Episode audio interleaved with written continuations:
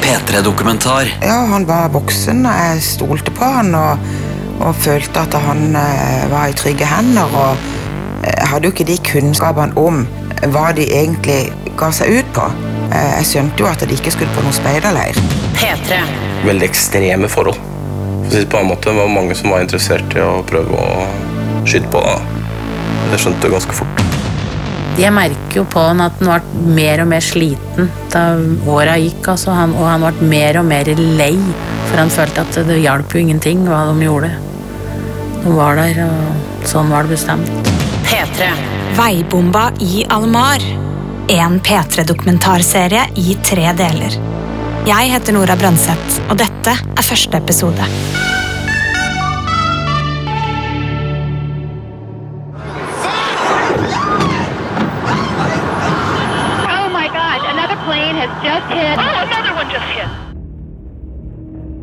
Today, we've had a national tragedy. Uh, two airplanes have crashed into the World Trade Center in an apparent terrorist attack on our country.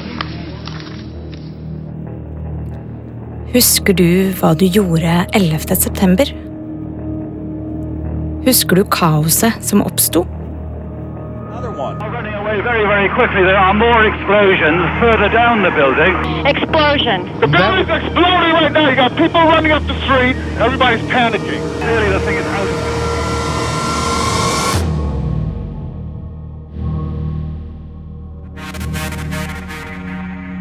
Eh, Jeg husker veldig godt 11. september. Fordi at eh, jeg hadde vært på jobb eh, og hadde ikke hørt noen ting av det som hadde skjedd.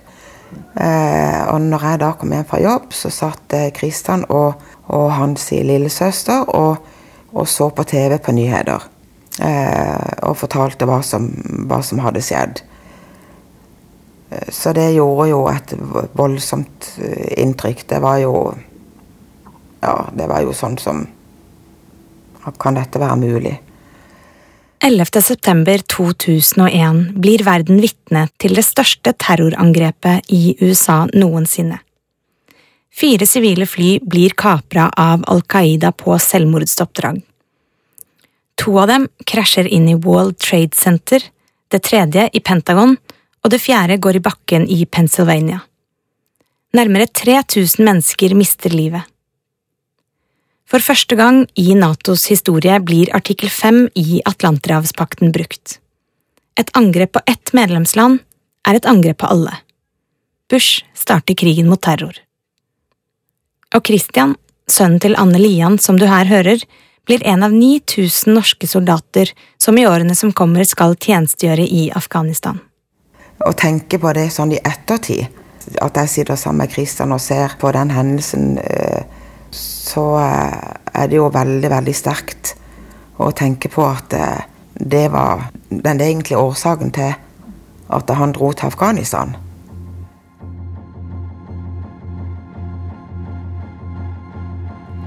Christian blir bare 31 år. Han blir en av fire som 27. juni 2010 kjører over en veibombe i Afghanistan. Ikke siden andre verdenskrig har norske styrker mista så mange menn i ett og samme angrep. Hva som skjedde den dagen, skal du få høre mer om senere i denne serien. Men først skal du få et innblikk i hvem soldatene som satt i denne bilen var. Som barn så var Kristian veldig eh, kreativ, og han var veldig, eh, han var veldig glad i naturen, glad i å være ute. Ofte så, så hadde han ikke tid til å komme inn og spise middag, så da måtte jeg liksom bare kunne gjerne stå i døra og så bare gi han middagen rett for tallerkenen, for han hadde ikke tid, han måtte ut igjen. Og, og var veldig sånn der, hadde masse utforskertrang.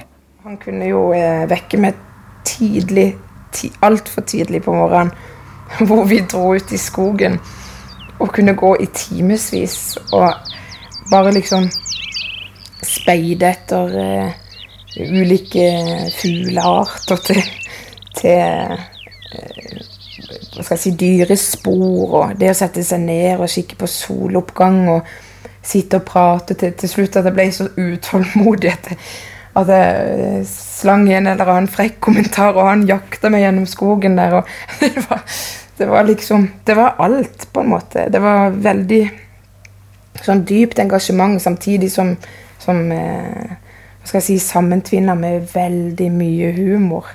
Ja, veldig utemma humor. Christian vokste opp i et rolig område i sørlandsbyen Kristiansand. Sammen med lillesøster Nina, mamma Anne og storesøster Signy. Med naturen som nærmeste nabo. Og Christian dro nok lenger og lenger inn i den der naturverden, eh, hvor han sov ute, eh, hadde lyst til å ja, både se at han klarte seg, eh, utfordre grensene sine, helt sikkert, eh, og behov for den egentida. Han var veldig sånn filosofisk, eh, eh, litt sånn enstøing av en fyr. Chris han hadde en sånn beundringsverdig ro over seg i, i alt han gjorde. Han, han omgikk seg med sånn aura av, av ro. Det, jeg vet nesten ikke hva som skulle til for å, å vippe han av, av pinnen. Roen tar Christian med seg inn i militæret. Han starter en karriere i Kystjegerkommandoen. Der trenes han opp til å operere alene over tid i områder som en fiende kontrollerer. Og Christian han blir skarpskytter. Han trenes opp til å finne fienden, og til å skyte den.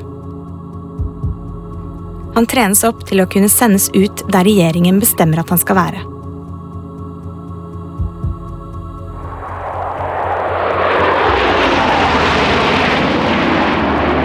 I desember 2001 letter det første norske flyet med spesialsoldater på vei mot Afghanistan. Afghanistan er på denne tiden det femte fattigste landet i verden. Krig har herja siden 70-tallet, og Taliban styrer over 95% av landet. Kvinner blir utsatt for overgrep, det utføres offentlige henrettelser, og fjernsyn er forbudt. Og med Talibans samtykke blir landet brukt som base for planlegging av terrorhandlinger. De norske styrkene skal sammen med internasjonale styrker hindre at landet blir brukt som et fristed for internasjonal terrorisme. Og de skal bidra til å bygge opp det afghanske samfunnet igjen. Og Christian han reiser på sitt første utenlandsoppdrag i 2006. Han har nå vært i Forsvaret i seks år. Og det at han vil reise til Afghanistan, drives ikke av akutt eventyrlyst. Dette har han tenkt nøye gjennom. Men eh, når han fortalte det at han skulle At han hadde valgt å reise til Afghanistan, så hadde jeg ikke noen betenkeligheter med det. det ja, han var voksen, og jeg stolte på han og, og følte at han eh, var i trygge hender, og, og, de alle visste hva de gjorde. Og, og, hadde jo selvfølgelig ikke de kunnskapene om hva de egentlig ga seg ut på. Eh, jeg skjønte jo at de ikke skulle på noen speiderleir, men jeg hadde veldig lite kunnskap om om Afghanistan i det hele tatt. Eh, så da valgte jeg også å lese meg opp på Afghanistan for å få litt mer kunnskap om eh, Afghanistan, kulturen, mennesker, eh, landet, historikken. Og det, det ble en veldig trygghet for meg. Jeg kunne danne meg et bilde. Det ble liksom ikke så skummelt.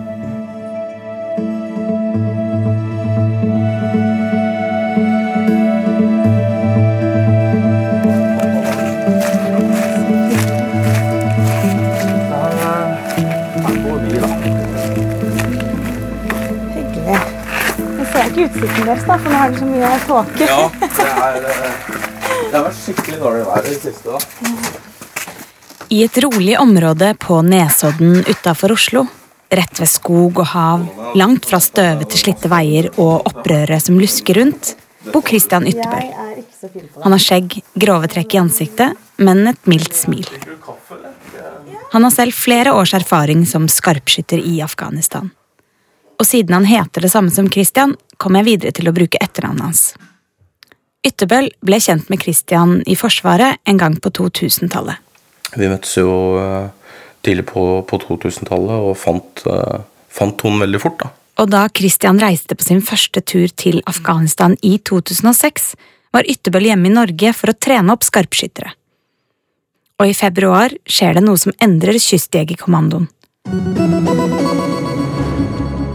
Seks norske soldater ble skadd i angrepet på Nato-leiren i Afghanistan. 300 rasende demonstranter tok seg inn i gårdsplassen der nordmennene holder til, og brukte steiner, håndgranater og skytevåpen mot ISAF-soldatene. Christian blir skada i angrepet. Han sendes hjem til leiren i Troms. Der går han rett inn på det lille befalsrommet for å finne kollegaen og kompisen sin. De setter seg ned på den slitte senga og deler en flaske whisky. Og så snakka vi om eh, krig. Og jeg husker da at det, det gikk jo veldig mye på det med å være god i det du skal være god i. Sånn at eh, du klarer å ha et overskudd til å, til å tenke klart da, for å ta gode avgjørelser. Da var jeg så heldig at Kristian beskrev alle disse opplevelsene for meg, da, og, og hvordan det hadde balansert mellom frykt og aggresjon, og hvordan han har på en måte klart å ha kontrollen på seg sjøl. Og resten av teamet òg, for så vidt.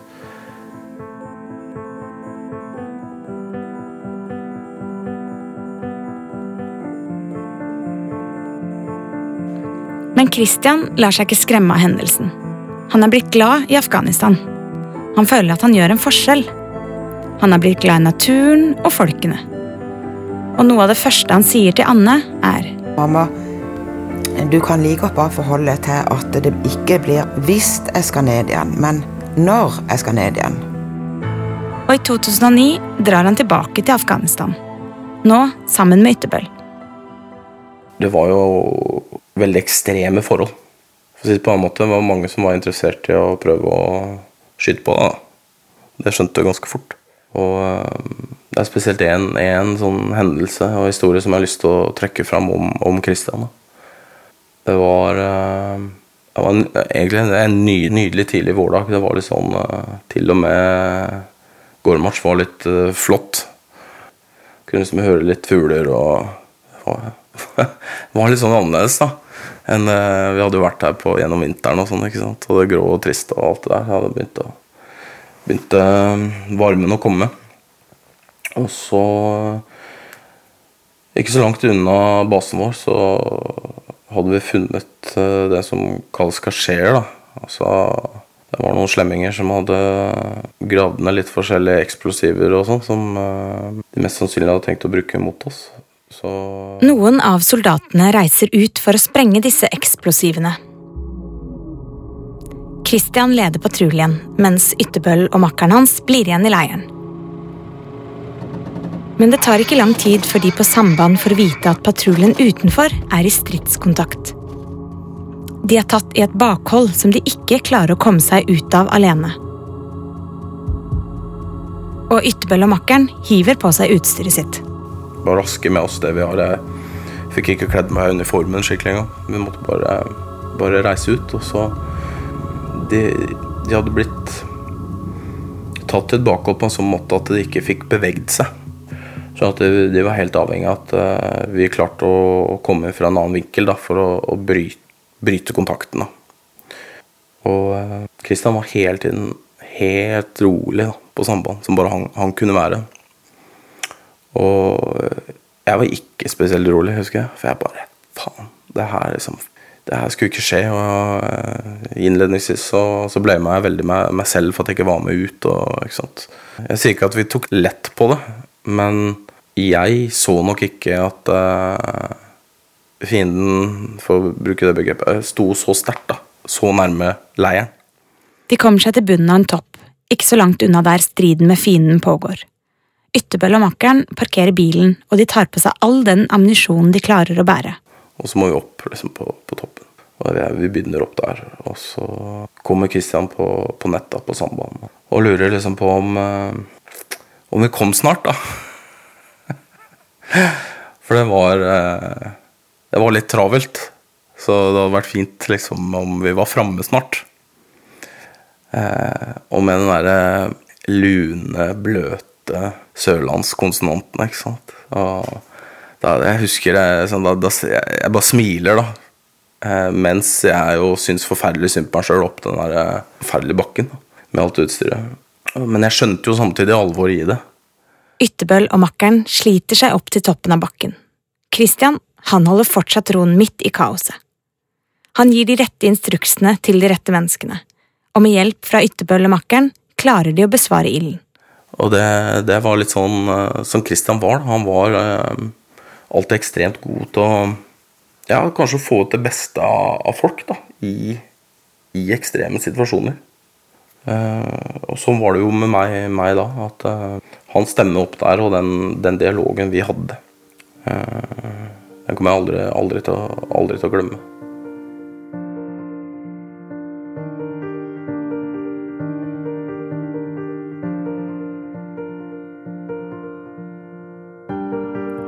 En annen flink fyr Ytterbøl blir kjent med i Kystjegerkommandoen, er Tromsø-gutten Andreas Eljarn på bare 21 år. Andreas han blir også skarpskytter. For å bli skarpskytter skal man helst ha flere år med erfaring. Men Andreas han var treffsikker helt fra start. Han var supertalent, da. Han var irriterende god, da, egentlig. uh, så han tok liksom ting veldig, veldig lett.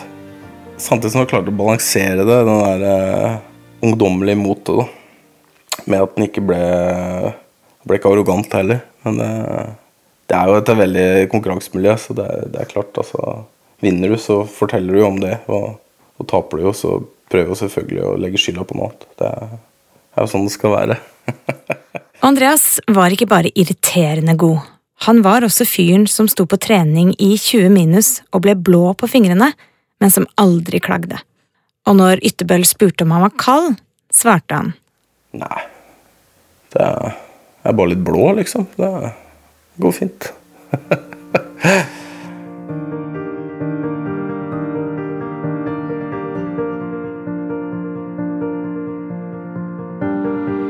Og så har vi Simen Tokle fra Ballangen. Simen var en av mange som fikk kjenne på Ytterbøls harde trening. Jeg hadde mye av treninga mi å gjøre, og jeg husker spesielt eh, etter en trening hvor uh, jeg hadde arrangert en helt forferdelig økt eller periode eller hva jeg holdt på. Jeg kjørte, jeg kjørte gutta hardt, da. Og det er jo fordi at de skulle være klare. Altså, det å være snill da, det, det handler om å stille litt krav. da presse de litt lenger enn det de kanskje kunne ønske seg sjøl veldig ofte. Da tror jeg da, da, var ikke gutta spesielt happy med meg. De var ganske lei, tror jeg. Og så husker jeg Simen kom bort og sa til meg at 'jeg vet hvorfor du gjør det du gjør'. Det kalles tough love. Så, så tenkte jeg ja, det har du helt rett i. Og det liksom stikker med meg hele tiden etterpå. Og jeg tenkte liksom faen, kjører jeg de for hardt nå, liksom? Eh, jeg skjønner jo at jeg ikke vinner eh, årsprisen for den mest eh, populære treneren, men det er greit. Det kan jeg leve med. Men Og da så han meg på en eller annen måte. Og så ga han meg, ga han meg den innsikten, da. Og det gjorde at jeg turte å fortsette på samme måten. At jeg visste at jeg var på rett vei. Jeg fikk jo fortsatt lov til å sitte ved matbordet og sånn, da, så det var ikke helt utstøtt. Men uh, det, var, det, var, veldig godt, da. Og det var, var sånn jeg opplevde Simen. Han var, veldig, veldig, omsorgsfull og opptatt av at uh, alle skulle ha det bra, da.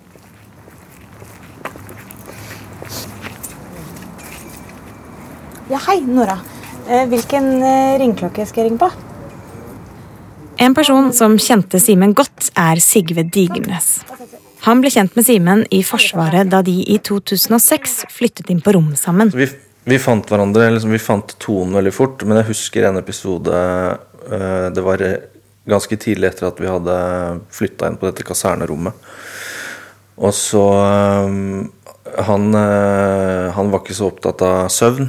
Eh, så han kunne gjerne liksom drive og pakke og styre til en stor øvelse langt utover natta. Da. Og jeg var kjempestressa fordi jeg følte jeg måtte få sove nå, da, før vi ikke skal sove på to uker. Um, så han har tydeligvis lagt Han la tydeligvis merke til da, det. Uh, så en dag han hadde vært altså Etter en helg han hadde vært og reist et eller annet sted, så fikk jeg en gave av han. For han hadde reist med tog. Så da fikk jeg NSB-teppe med eh, sånn sovemaske og ørepropper. da. eh, i gave fra han. og det brukte jeg faktisk. Så eh, Ja, det er liksom en av de første minnene jeg har fra Som er veldig sånn typisk for Simen som person. Eh, veldig omsorgsfull med eh, alltid et glimt i øyet, da. Og Simen han spesialiserer seg innen sanitet. Og han stortrives i Afghanistan. Han fikk være med gutta sine, han fikk gjøre jobben. Eh, og han trivde, det virka som han trivdes med den der kontakten med de lokale. Og liksom han hjalp eh, Med de små legekunnskapene sine så hjalp han liksom barn og, og sånn i, i landsbyer de var i. Og, og mm, ja, eh, inntrykk av at han fikk liksom leve ut den derre Det å hjelpe noen, da. Han fikk leve ut det virkelig hands on da, der nede. Så det, det inntrykket har jeg egentlig hatt av han hele tiden. At uh, for han så var det en drøm som gikk i oppfyllelse. Å få lov å, å bidra da, på Norges vegne der nede. Helt klart.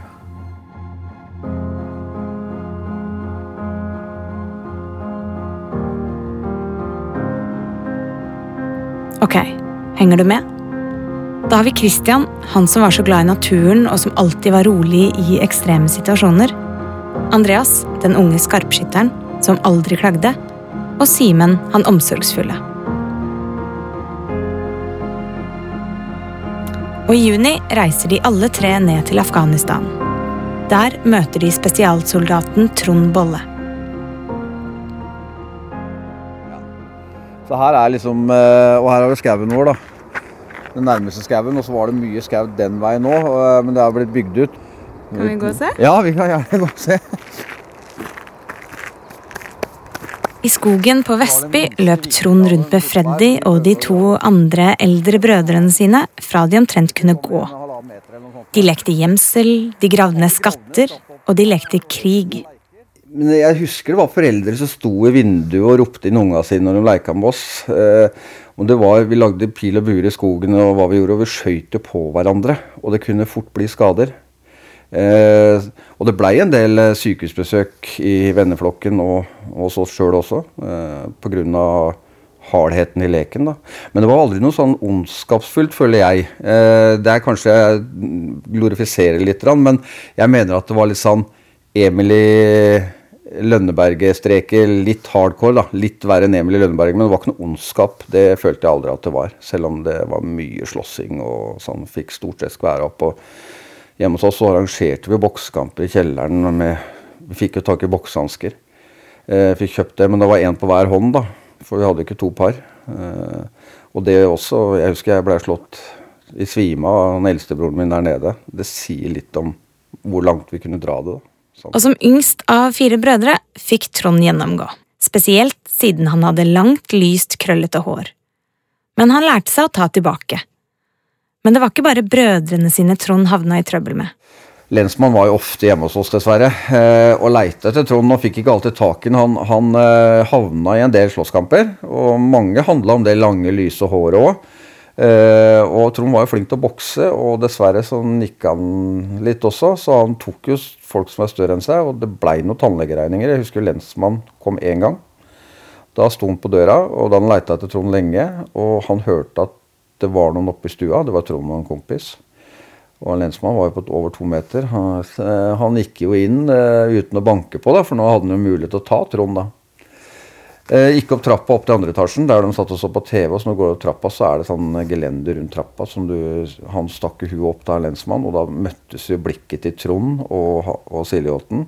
Og samtidig som vi hadde en mannevond bikkje som het Hera, som egentlig angrep det meste. Men den var ikke helt stabil.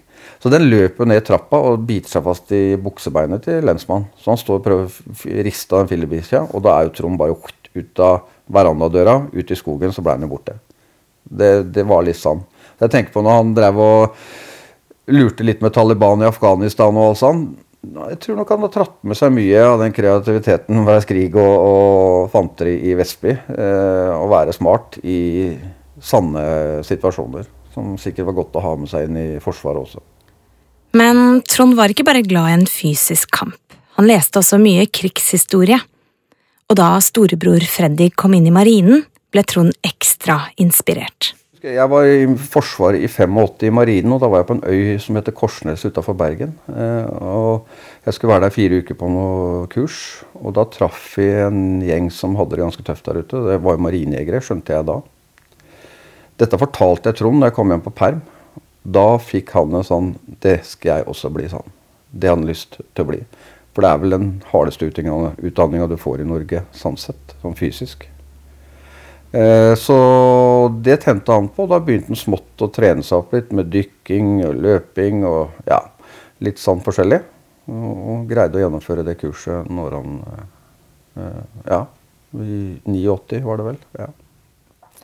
Og Trond han blir en del av Marinejegerkommandoen. Han trenes opp til å drive med spionering og sabotasjeoppdrag over og under vann. De er de fremste av de norske elitesoldatene og rangeres på høyde med de fremste spesialenhetene i verden, som de amerikanske Navy Seals, hvis det sier deg noe. Marinejegerkommandoen preges av sterk hemmelighold. Det blir sagt at alt du hører om marinejegerne, er sant, men sannheten får du aldri vite.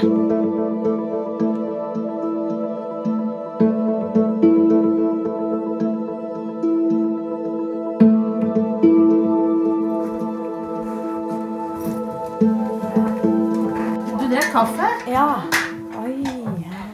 På Toten, i et stort gårdshus, bor Bjørg Gjestvang.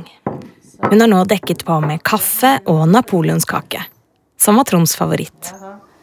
Må smake på kaken, da. Ja, Har du baka? Vi har, nei, vi har sånne spesielle kaker på Toten. Da, vet du, som oh, jeg, ja, nei, du, alle har vel sikkert det, som jeg tuller litt, da. Det- På en gresk øy i 1992 møter hun en laidback fyr med slitt shorts og avrevet lomme på skjorta. Og vi hadde seilt ut fra Aten, og vi hadde vel da seilt ei uke. Og var på tur mot Aten og så var vi på ei øy som eh, kom vi på ei øy som det ikke fantes en seilbåt.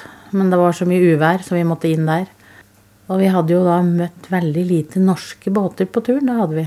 Og så der midt på natta, når vi kom da fra restauranten, hadde spist god mat og kom inn til båten, så kommer det en båt utentil som skulle inn. La seg ved sida av, så der står Trond Tarouche.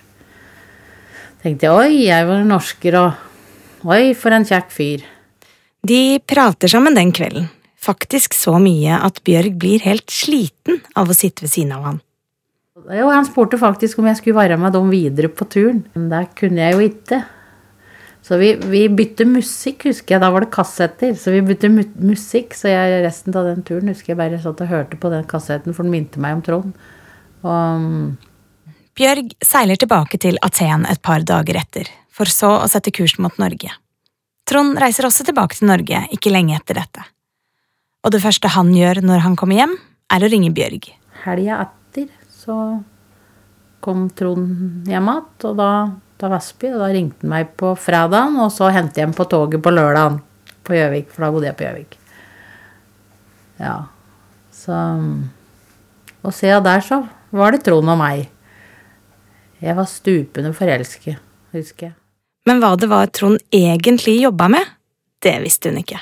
Jeg visste jo ikke hva en marinejeger var for noe. På Toten hadde vi jo ikke noe sånn. Der hadde vi jo sivilforsvar og Heimevernet. Han jobber i militæret, tenkte jeg vel. ja. Så du visste ikke hva du gikk til?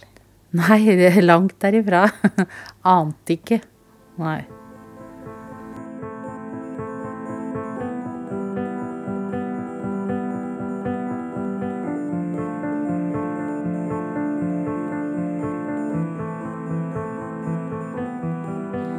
Trond fortsetter sin karriere i Marinejegerkommandoen. Og i en liten periode er han også en del av E14, som er den mest hemmelige avdelingen i Forsvarets etterretningstjeneste. Og han drar på sitt første utenlandsoppdrag på Balkan i 97, i regi av E14. Men det blir for mye papirarbeid for han, så han søker seg tilbake til Marinejegerkommandoen. Han trives best ute i felt, ute blant gutta, forteller hans tidligere sjef Rolf Inge Rott. Men, men det var det var Trond nøtteskall. Ønsket å være veldig operativ. Var ikke spesielt keen på å sitte inne og skrive skrive doktrine, for å si det sånn.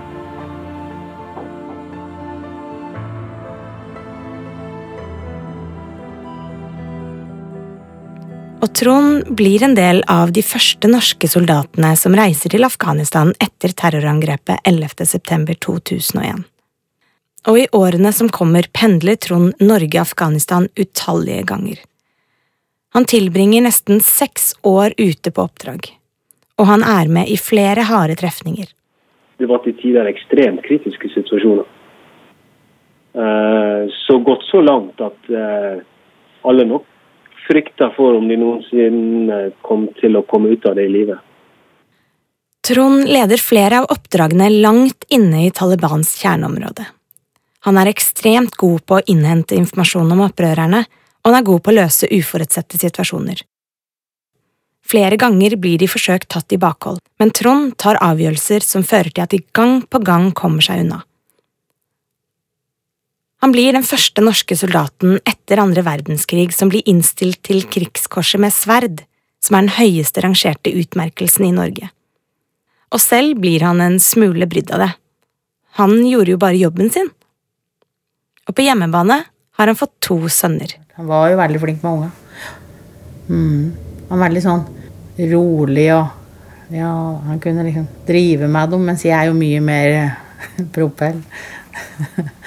jeg liksom skal ha fortgang i det, og han var liksom Husker en gang når han kom igjen, og da Håkon han ville ikke gjøre lekser. Han var på barneskolen. Så sa åh, dette går ikke bra, jeg orker ikke, nå må du ta over Håkon. De satte seg i krakken på kjøkkenet, der ikke noe problem. Der Håkon les, og Trond satt ved sida, så åh.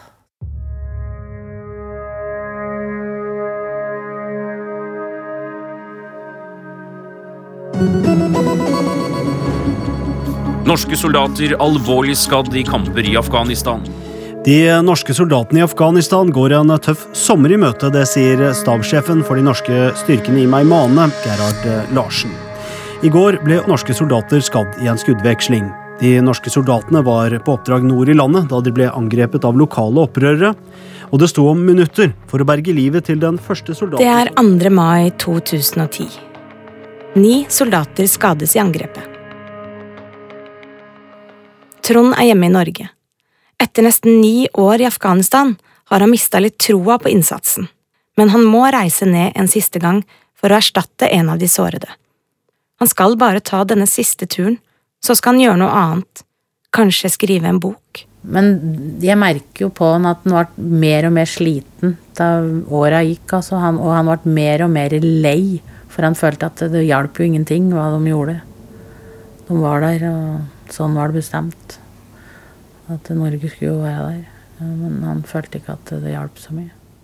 Han eh, ble nok mer slepen når han ble eldre og fikk senka skuldra litt. Og kanskje han Ja, han, han sa jo til meg han ville trappe ned. Det ville han. Men det gikk jo ikke sånn. Han reiste jo heller ned. Og for å, sånn jeg skjønte det, det han sa til meg, i hvert fall, var at han ikke ville inndra ferien til noen av gutta. For dette var jo på sommeren. Og at han tok den turen her nå, og så var det, skulle det være den siste turen hans. Og før denne siste turen drar Trond innom jobben til broren sin for å gjøre noe han ikke har gjort før. Og det var helt sprøtt. Eh, For eh, han møtte meg på parkeringsplassen, så fikk jeg en klem av han. Og det har jeg aldri fått noen gang. Ikke jeg gitt han heller. Eh, Så ble det snakket, og Da sa han at han skulle reise ned nå. og da var det han sa at han ønska ikke å inndra permen til noen av gutta. Og at han skulle ta det siste oppdraget her nå. Så slapp han å reise ned igjen i august-september, var det vel han snakka om. Eh, Og nå sa han at nå var det alvor der nede. Nå var det ganske eh, spenstig. Men han måtte reise ned og fortalte at det har vært en, en trefning 2. mai. Det visste jeg jo, jeg leste avisen om mange norske skada og sånn, så han var jo erstatningsmannskap for noen av dem. Og jeg sa at det er ikke like greit å vente til uh, seinere og ta tur nå. Er jo, nei, han, det hadde han, hadde han bestemt seg på, eh, så det gjorde han. Og i månedsskiftet mai-juni står Trond ute på gårdsplassen på Toten. Han tar armen rundt sønnen Håkon på ni år og ser mot kamera. Det er er veldig rart, for vi tok jo aldri bilder av Trond. Og da tok vi jo bilder, for da skulle Håkon på skolen om morgenen, og så skulle jeg kjøre Trond. Stå utpå her. Du, du vet vel hva det betyr å ta bilder? Mener jeg Trond sa det betyr ulykke, sa han. Og så gliste han.